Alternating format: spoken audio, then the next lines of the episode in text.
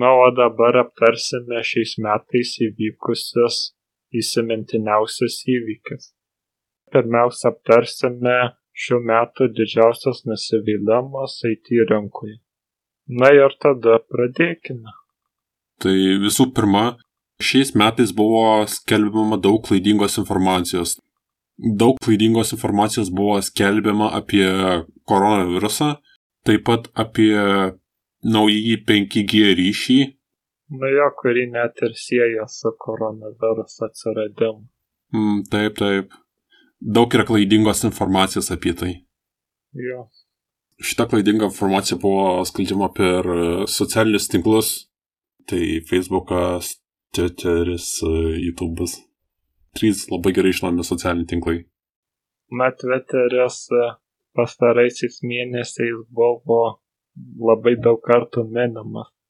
Taip, e, ir dabar, kur klaidinga informacija, tai po tweetų būna parašyta, kad e, ši informacija galimai klaidinga. Jo. Na tai tada galime pereiti prie sekančio, tai būtų susijusi gan tema su klaidinančia informacija, tai koronaviruso poveikis.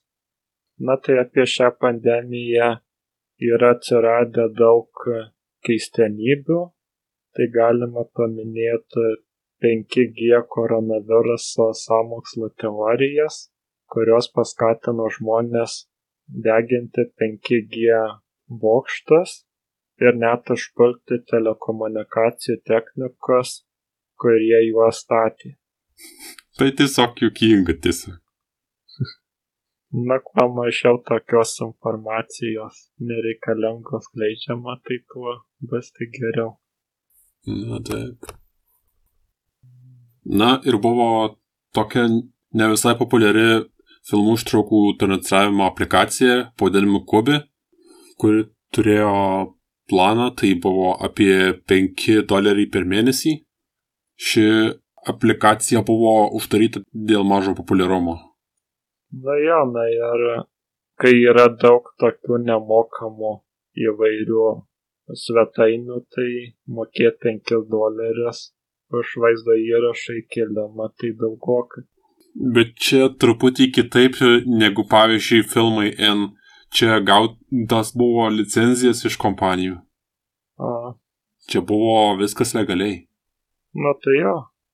Geriau jau pavyzdžiui koks nors Disney Plus tada. Arba bet koks nors kitas transliavimo servisas. Būtų bent pilni filmai. Na ir per pastaruosius metus tai atsirado labai daug kitų srautinio perdavimo paslaugų kurios siūlė savo paslaugas e, už labai mažą mokestį arba išvis be jokio mokesčio. Galbūt net ir truputį per daug. Na taip. Na ir prie šio populiarumo sumažėjimo tai be ne labiausiai galėjo prisidėti ir TikTok, kuris labai sparčiai išpopuliarėjo. Na, o taip pat kalbant apie TikTok, tai šiais metais buvo pateiktas JAV ieškinys, kad norėdamas veikti JAV, TikTok būtų parduotas vienai iš JAV įmonių. Kiek atsimenu, šitas e, dar nesivaigė. Dar, man atrodo, nepardavė niekam. Jo, dar ten tęsiasi teismai. Dabar naujausiam žiniom tai buvo pratęsę terminą iki gruodžio ketvirtos dienos. Na, bet ši data jau pasibaigė ir šis klausimas vis dar lieka pakibęs ore. Net jei ir parduos e, kam nors, tai parduos tik tai dalį, jie nenori viso parduoti. Na jo, kažkuria dalį parduos. Tik tai Amerikos dalį parduos ir viskas. Jo. Na ir e, buvo skelbiama, kad į tą dalį pretenduoja Oracle su Walmart. Aš tai neįsivaizduoju, kam Walmart reikia. Tik toko. Na, nežinau. Kas nežinot, kas yra Walmart, tai yra labai didelis prekybos centras, panašiai kaip Maxima Lietuvoje. Na jo. Ten šiaip tai yra gana daug didelių parduotuvių. Tai yra Walmart, Target, nemažai yra šiaip.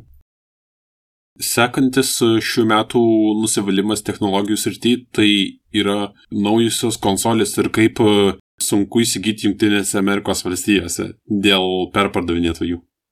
Lietuvoje šitas nemanau, kad yra labai aktualu. Na, Lietuvoje irgi sunku gauti naujų konsolių. A, o gero, įsiūs negali į Lietuvą konsolių. Mhm. Gal. Na ir taip pat šių konsolių iš ankstinis užsakymas buvo vykdomas be jokių įspėjimų, nors Sony sakė, kad įspės, kada prasidės užsakymai. Tai dauguma nespėjo nusipirkti.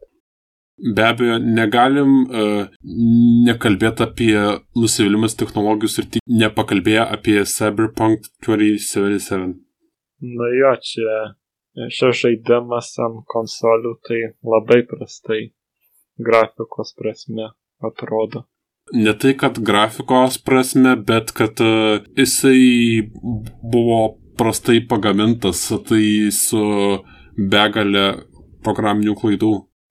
Na ir taip pat Sony pranešė, kad galės visą gražinti tą žaidimą, kuriems jisai nepatiko dėl to visų klaidų tipo gavo grasinimų mirtimi kūrėjai. O. Iš žaidėjų dėl šito žaidimo. Wow. Dėl paprasto žaidimo grasinti tiesiog kūrėjai. Nu, nors man atrodo, panašių grasinimų ir sulaukė Flappy Bird kuriejas. Mm. Dėl to jis išėmė tą žaidimą iš Google Play parduotuvės, kiek atsimenu. Na, dar ką galima paminėti apie konsolių dizainą. Tai buvo, pažiūrėjus, Xbox Series X, tai pagamintas tokio dizaino kaip konsolė šaldytuvas. Na, taip, įmanoma supainioti su šaldytuvu. Na ir PlayStation 5 konsolė yra gana aukšta. Na, taip gali būti nelengva rasti vietos jai. Jo. Na kita nesėkmė tai ištiko Twitterį, kuriame buvo įsilaužta į aukšto lygio Twitter paskyras. Tai būtent tas patvirtintas paskyras, angliškai vadinamas verified. Na ir buvo įsilaužta į tokių žinomų asmenų paskyras kaip Elonas Muskas, Bilas Geitsas, Kaini Vestas, Barackas Obama ir kitas žinomų žmonių paskyras po šito įsilaužimo Twitter ne, neleido tweetint e, visiems, kurie turi patvirtintas angliškai vadinamas verified paskyras. Kiek atsimenu, bent vieną dieną neleido tweetint. Mm. Na ir tai buvo skleidžiamas pranešimas susijęs su bitkoinais. Tai buvo prašoma pervesti kažkokią tai dalį bitkoino. A, bitkoino schemas. ir tada atseit tuo paskirų savininkai perves po vieną bitkoiną į sąskaitą. Kurgi ne? Tikrai skemas. Grinai skemas. Bet žinai, kai parašo kokias Elonas Maskas, tai gali ir pagalvoti, kad tai nėra skemas. Na taip. Na ir po šio įvykio tai Twitter sustiprino paskirų kontrolę ir pranešė, kad ateityje planuoja geriau apsaugoti paskyras. Pavyzdžiui, prašys e, antro faktorius, kai bandysi tvirtinti ką nors. Na, gal to tai gal ir nebus. Aš tai mielai jungčiau tokią funkciją. Na, nebent kaip pasirinktinis. Na, taip, aš tai turiu menį. Na, bet čia buvo ir Facebook'e kažkada tai toks atvejis.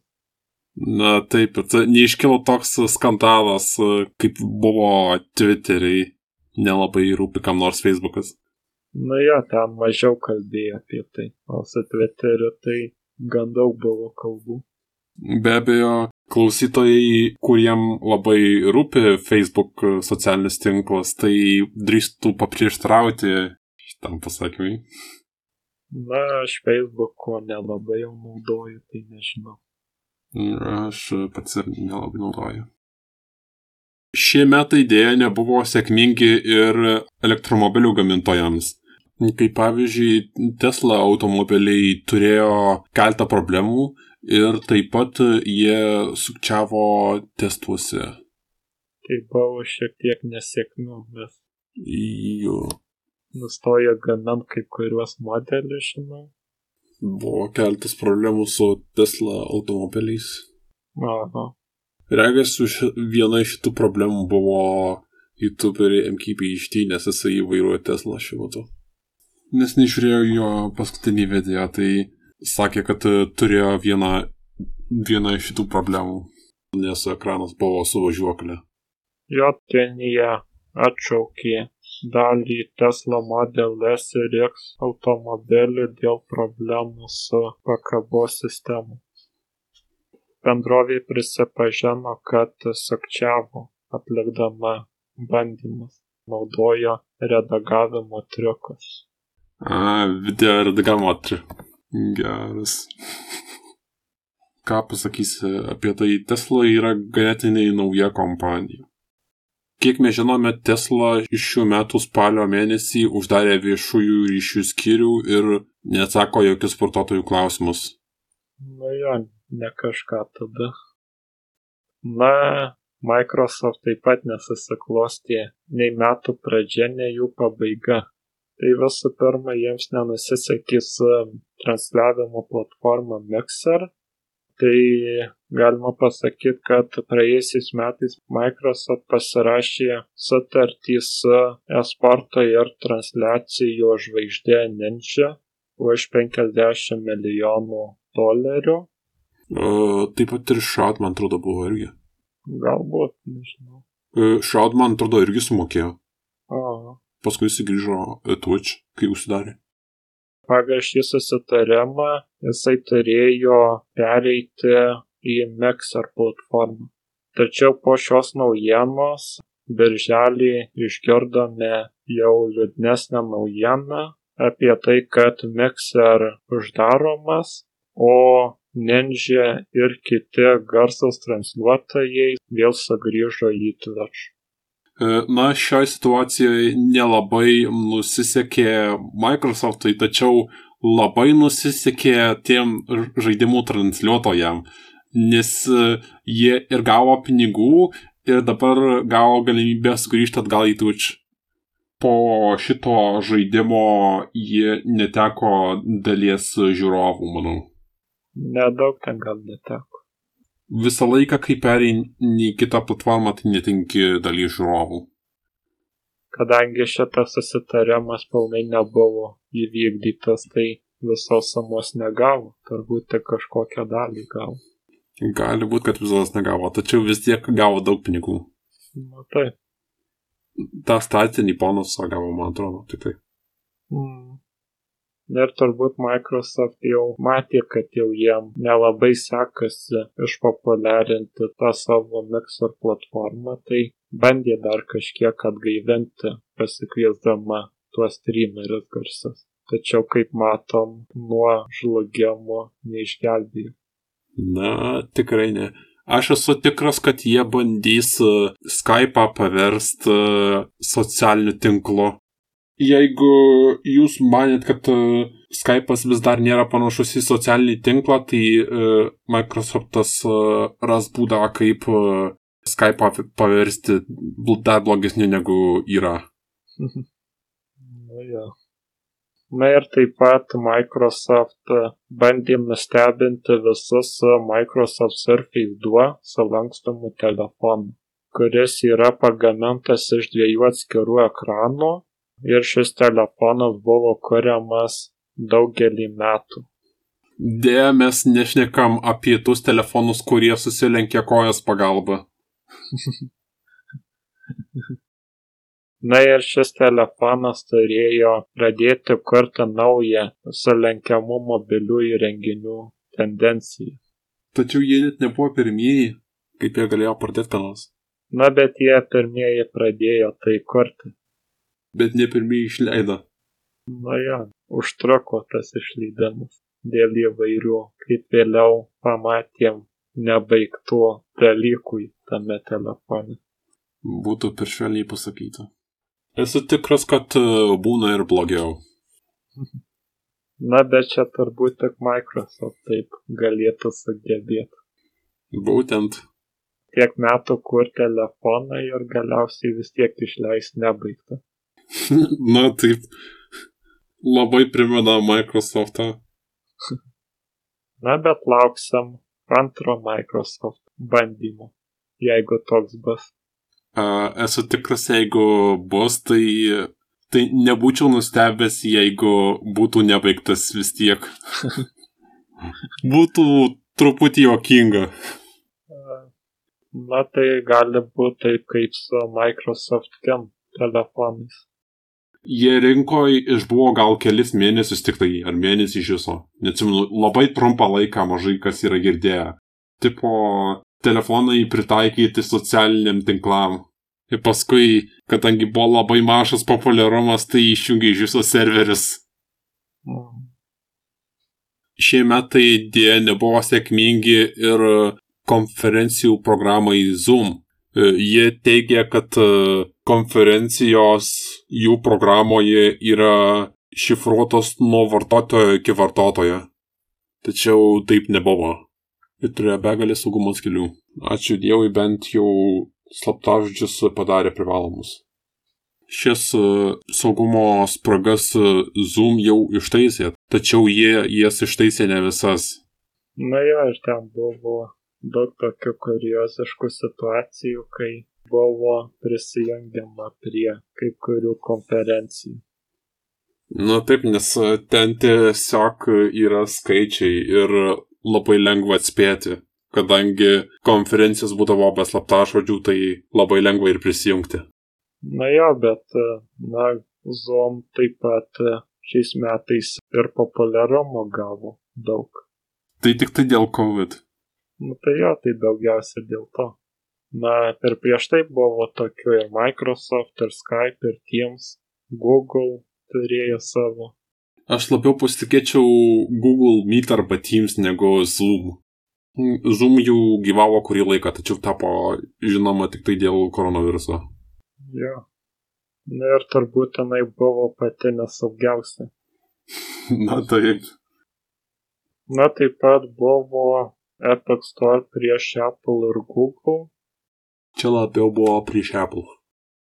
Epic įkėlė Fortnite žaidimą į Apple ir Google programų parduotuvės, tačiau e, jie sukūrė vartotojams tiesioginių mokėjimų sistemą, kuri apėjo Apple ir Google mokesčius nes visiems kūrėjams yra taikomas 30 procentų komisinis mokestis už buvimą to žaidimo bet kurioje parduotuvėje.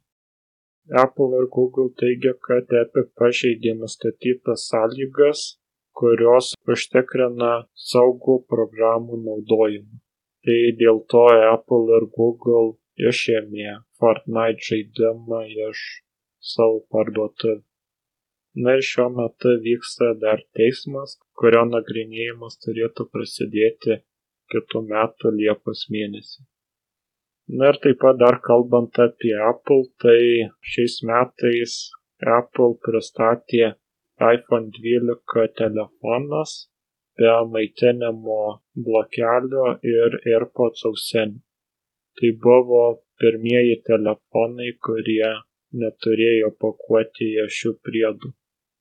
Apple teigia, kad tai daroma dėl ekologiškumo ir kad vartotojai namuose turi daugybę senesnių AirPods ausinių ir maitinimo blokelių. O aš teigiu, kad Apple tiesiog apsilankė e, skelbiu LT ir pamanė, kad e, jie norėtų kažko panašaus. Na ir taip pat Apple šiais metais perėjo prie USB-C kabelio. Uh, bet tik tai kompiuteriuose, telefonuose, tai Lightning vis dar nauji iPhone'ai ne USB-C. Na jo, na ir tada tie senesnė maitinimo blokeliai jau nebetenka kaip ir. Na taip. Išėmė uh, įkroviklį iš dėžutės ir paskui pakeitė dar. Na tai aišku, galima naudoti senesnės kabelius arba adapterius tačiau daugeliui vartotojų reikės nusipirkti adapterį. Arba tiesiog e, naują nusipirkti, nes jeigu vartotojas turi telefoną kokius 3-4 e, metus, tai jau tas įkroviklis eina į pabaigą, jau baigia savo dienas. Nes e, įkrovikliai irgi genda. Na ir Apple taip pat padarė daug pažangos su M1 procesorium, kuris integruotas į pristatytus MacBook kompiuterius Na ir tas procesorius buvo gan vykęs. Jo, kaip ir radio stotis yra irgi visai vykus. Na, o ne taip linksma buvo su Apple macOS Big Sur operacinė sistema, kur buvo atskleista, kad saugos funkcija kiekvieną kartą atidarius programą siuntė vartotojai IP adresą iPhone gamintojai ir susiejo buvimo vietą su duomenimis apie kompiuterio naudojimą. Ir dar blogiau yra tai, kad e, ši informacija buvo įsiusta be šifravimo. Na ir toks e, IP adresas skleidimas sukėlė nemažą pyktį iš vartotojų, nes net VPN negalėjo užblokuoti IP adresų rinkimų. Taip, nes e, apeidavo VPN'us ir kreip, kreipdavosi į Apple serverius e, iš tikrojo IP adreso. Vėliau Apple pasakė, kad nustos rinkti IP adresus per saugos funkciją ir ištrins visus surinktus. Sekantis nusivylimas technologijų srityje yra išmaniai durų skambučiai Ring, kurie savaime užsidegdavo tik tai dėl to, nes vartotojai naudodavo varžtus, kurie nebuvo komplektacijoje. Šie durų skambučiai buvo gaminami Amazon kompanijos ir juos galima nusipirkti Amazon internetinėje parduotuvėje. Ring teigia, kad buvo pagaminta 350 tūkstančių antros kartos Ring skambučių, kurie buvo pristatyti į Junktinės valstijas ir Kanadą. Na ir čia buvo pagrindė dėl varžtų ir baterijos perkaitimo. Mm, tiesiog negamikliniai varžtai pažeisdavo šių skambučių bateriją. Taip. Na ir paskui jie atnaujino savo vartotojo vadovą, kuriame tai paaiškino. Nes šis durų skambutis pridarė nemažai žalos. Buvo sukelti net 23 gaisrai ir taip pat buvo gauta keletas pranešimų, kuriuose naudotojai patyrė nedidelis nudegimas. Durų skambutis nudegino ranką. Įsivaizduok tai. Tas durų skambutis buvo toks įspūdingas, kad net ranką nudegino. Na, bet e, iš Amazon tai dabar dažnai jau girdim tokių dalykų. Labai gerus produktus gamina, ką galiu pasakyti. Na čia turbūt jeigu kažkas ateina pas tavį į namus, tai gali blogai baigtis. Geriau negu skalikų būrys. Na ir paskutinis toks nenusisekęs metų įvykis, tai yra e, Samsung Neon dirbtinis intelektas, kuris buvo pristatytas CS220 parodoje ir kuris buvo laikomas viena didžiausių pristatymų šiais metais. Šį intelektą buvo bandoma išnaudoti įdėgiant į kompiuterius, kad galėtų atsakyti į vartotojų norimus klausimus. Na, bet e, vartotojams tai pasirodė gan nelabai realistiška ir galbūt net per daug širpinančiai atrodo. Sakyčiau, jeigu toks avataras būtų žaidime, tai sakyčiau, gan vidutiniškas būtų. Esu matęs geresnių. Na, bet šis dirbtinis intelektas vartotojų nelabai sužavėjo. Na, taip. Tas Neon greičiausiai naudojosi Samsung Bixby. Galbūt. Na ir toliau aptarsime įdomiausius šių metų išleistus telefonus. Na tai tada pradėkime. Tai ką galėtų įskirti iš tau įdomiausių telefonų? Mm, tai ko gero tuos sulenkiamos telefonus, jie buvo įdomiausi ko gero iš visų išleistų. Na, mano nuomonė, visai įdomus dizainas buvo Microsoft Surface Duo telefono manau, būtų jiem kur kas geriau nusisekę, jeigu būtų ištisas ekranas, o ne vyris viduje. Na, šis telefonas turėjo savotišką kainą, gana prastos kokybės USB-C jungtį ir vienetinai prastą kamerą palyginus su kitais telefonais. Jo, jo. E, ir kitas įdomus telefonas, mano nuomonė, yra Google Pixel 4a, kas yra įdomu tai, kad Google pradėjo gaminti biudžetinius telefonus. Google uh, nebuvo gaminę biudžetinių telefonų jau kurį laiką ir jie pradėjo gaminti biudžetinius telefonus nuo Pixel 3a. Dėja, su įsigijimu Lietuvoje jau yra kita istorija. Gana sunku rasti. Šis telefonas kainavo maždaug apie 350 dolerių. Ir manau, kad uh, Lietuvoje kainavo panašiai tik tai eurais. Šis telefonas buvo pigesnis negu Pixel 3a ir turėjo geresnės specifikacijas. Na ir šis telefonas puikiai tinka tiems, kurie ieško biudžetinės klasės telefonų. Na, tai palyginus su kitais telefonais, tai šitas dar ir biudžetinis yra. Jo, na ir jos specifikacija geras. Na, man tai visų pirma pateko LG Wing telefonas, kurio, na, tas pasisakantis ekranas iš tikrųjų atrodė gerai. Mhm.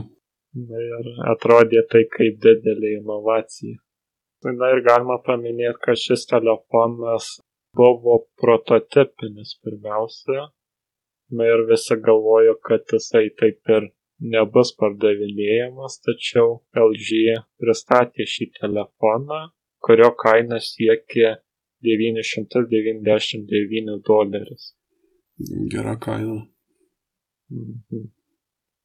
Na ir jis buvo pigesnis palyginus su kitais tokio tipo telefonais.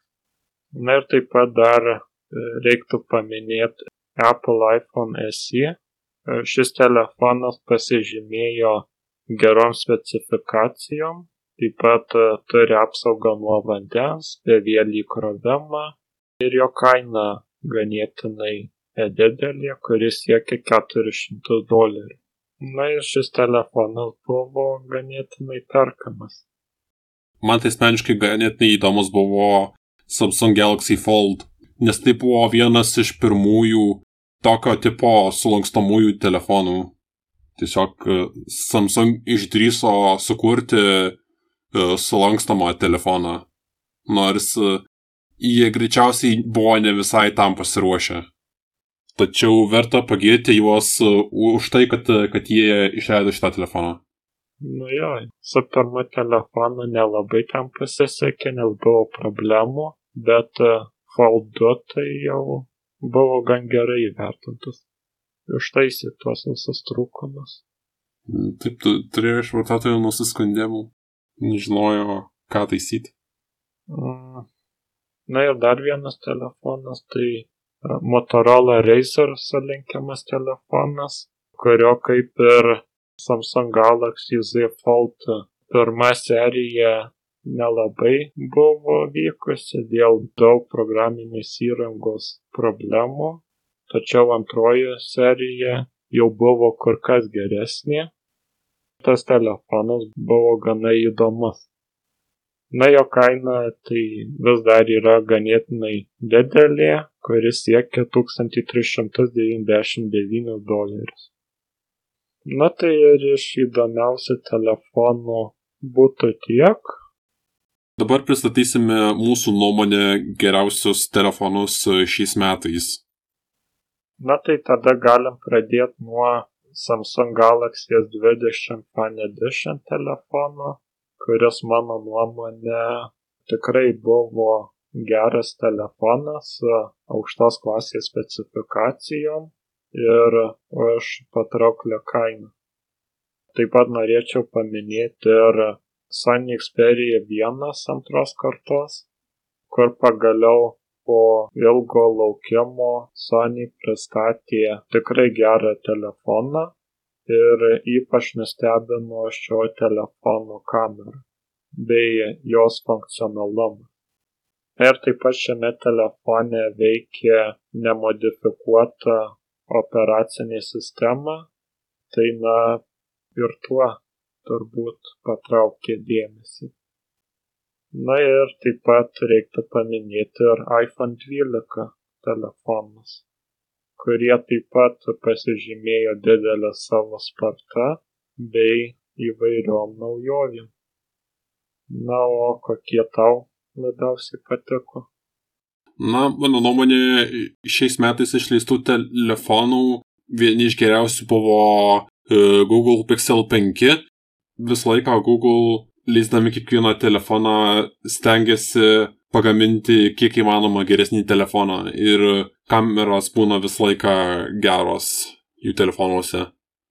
Taip pat e, norėčiau paminėti, kad e, Kiti geri telefonai yra Xiaomi Mi 10, kuris gali pasigirti 108 megapikselių kamerą ir galingiausių procesorių. Taip pat verta paminėti OnePlus 8T telefoną, e, kuris turi 120 Hz AMOLED ekraną e, ir turi 48 megapikselių Sony kamerą. Na ir pabaigai apžvelgsime šių metų įdomiausius įvykius, kurie įvyko IT rinkoje. Na tai visų pirma reiktų paminėti, aišku, naujas konsolės išleistas, kad ir kaip mes sakėm, kad, na, gal ir nelabai buvo viskas pavykę su jų išleidimu ir kitom detalėm, na bet tai buvo iš tikro ne kiekvienais metais įvykstantis konsolių pristatymas. Pavyzdžiui, perpardavinėtojam tai labai pasisekė. Taip pat kitas reikšmingas įvykis tai buvo ARM pagrindu veikiantys lustai, kurie buvo pristatyti kompiuteriuose. Na, taip. Tai visų pirma, kalbant apie Apple pristatytą M1 lustą. Na ir visa tai įvyko dėl Qualcomm ir Apple bendradarbiavimo. Na ir šie procesoriai, kaip pasirodė, iš tikrųjų turėjo gan gerą našumą. Na taip. Čia Apple jau buvo pasiruošę iš anksto šitam. Na taip, na jie norėjo pereiti nuo Intel procesorių. Vienas iš įvykių, kurį verta paminėti, tai dinkstantys įkrovikliai iš dėžučių. Deja, dauguma gamintojų seka kiekvienu neprotingu Apple žingsniu ir pirmiausia, jie išėmė iš telefonų 3,5 mm audio jungtį, tada panaikino išimamas baterijas, dabar atėjo ir įkroviklių eilė.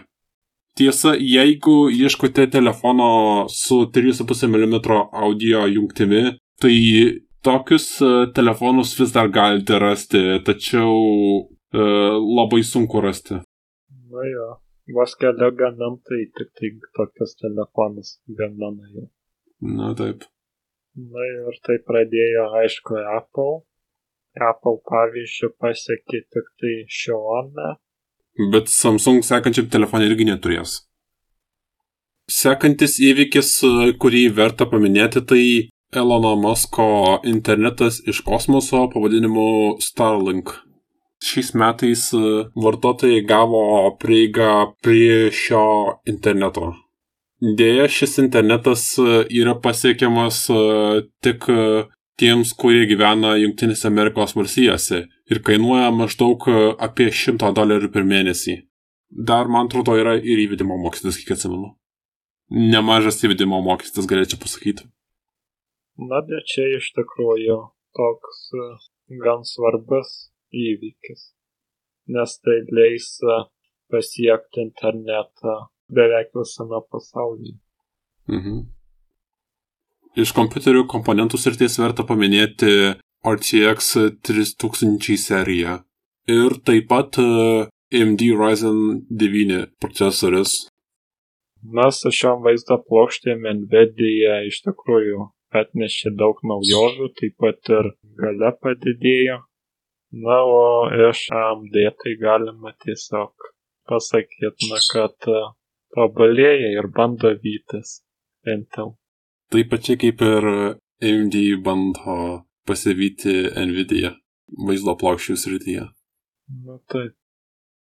Na ir baigiant galima paminėti, kad šiais metais visi technikos pristatymai vyko be žiūrovų, buvo transliuojami tik internetu, o dalis iš vis neįvyko.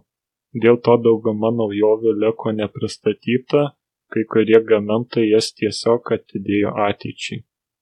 Visa tai suteikė ir vartotojams nepatogumų, nes negalėjo visi norintieji apžiūrėti pristatytų produktų, kaip tai buvo daroma anksčiau po pristatymų.